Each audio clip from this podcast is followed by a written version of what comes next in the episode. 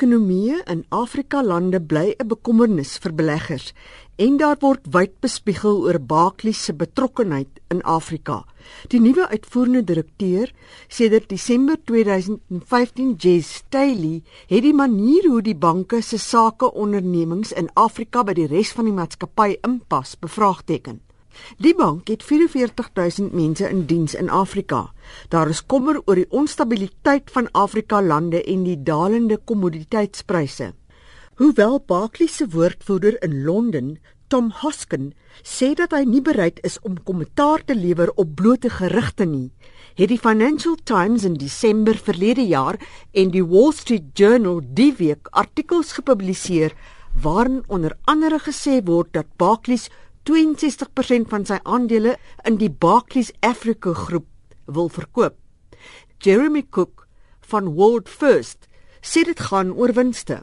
It seems to be that the, the operations they have in sub-Saharan Africa are no longer profitable or certainly levels which they no longer deem to be a, a worthwhile investment. We've seen a lot of political and currency uncertainty within the South African economy, South African economy and maybe Barclays is simply saying enough is enough.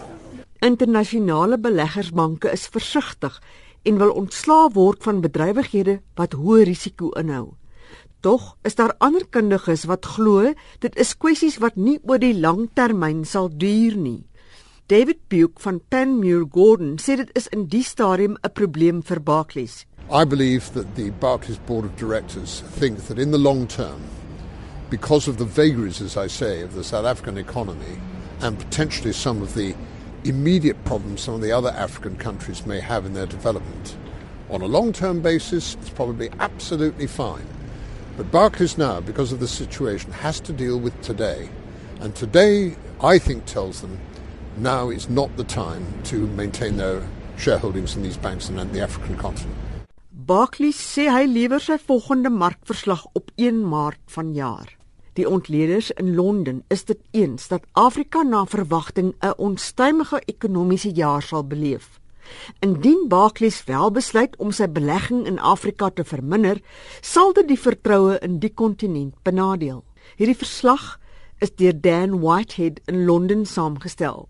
Mitsi van der Merwe SABC nuus.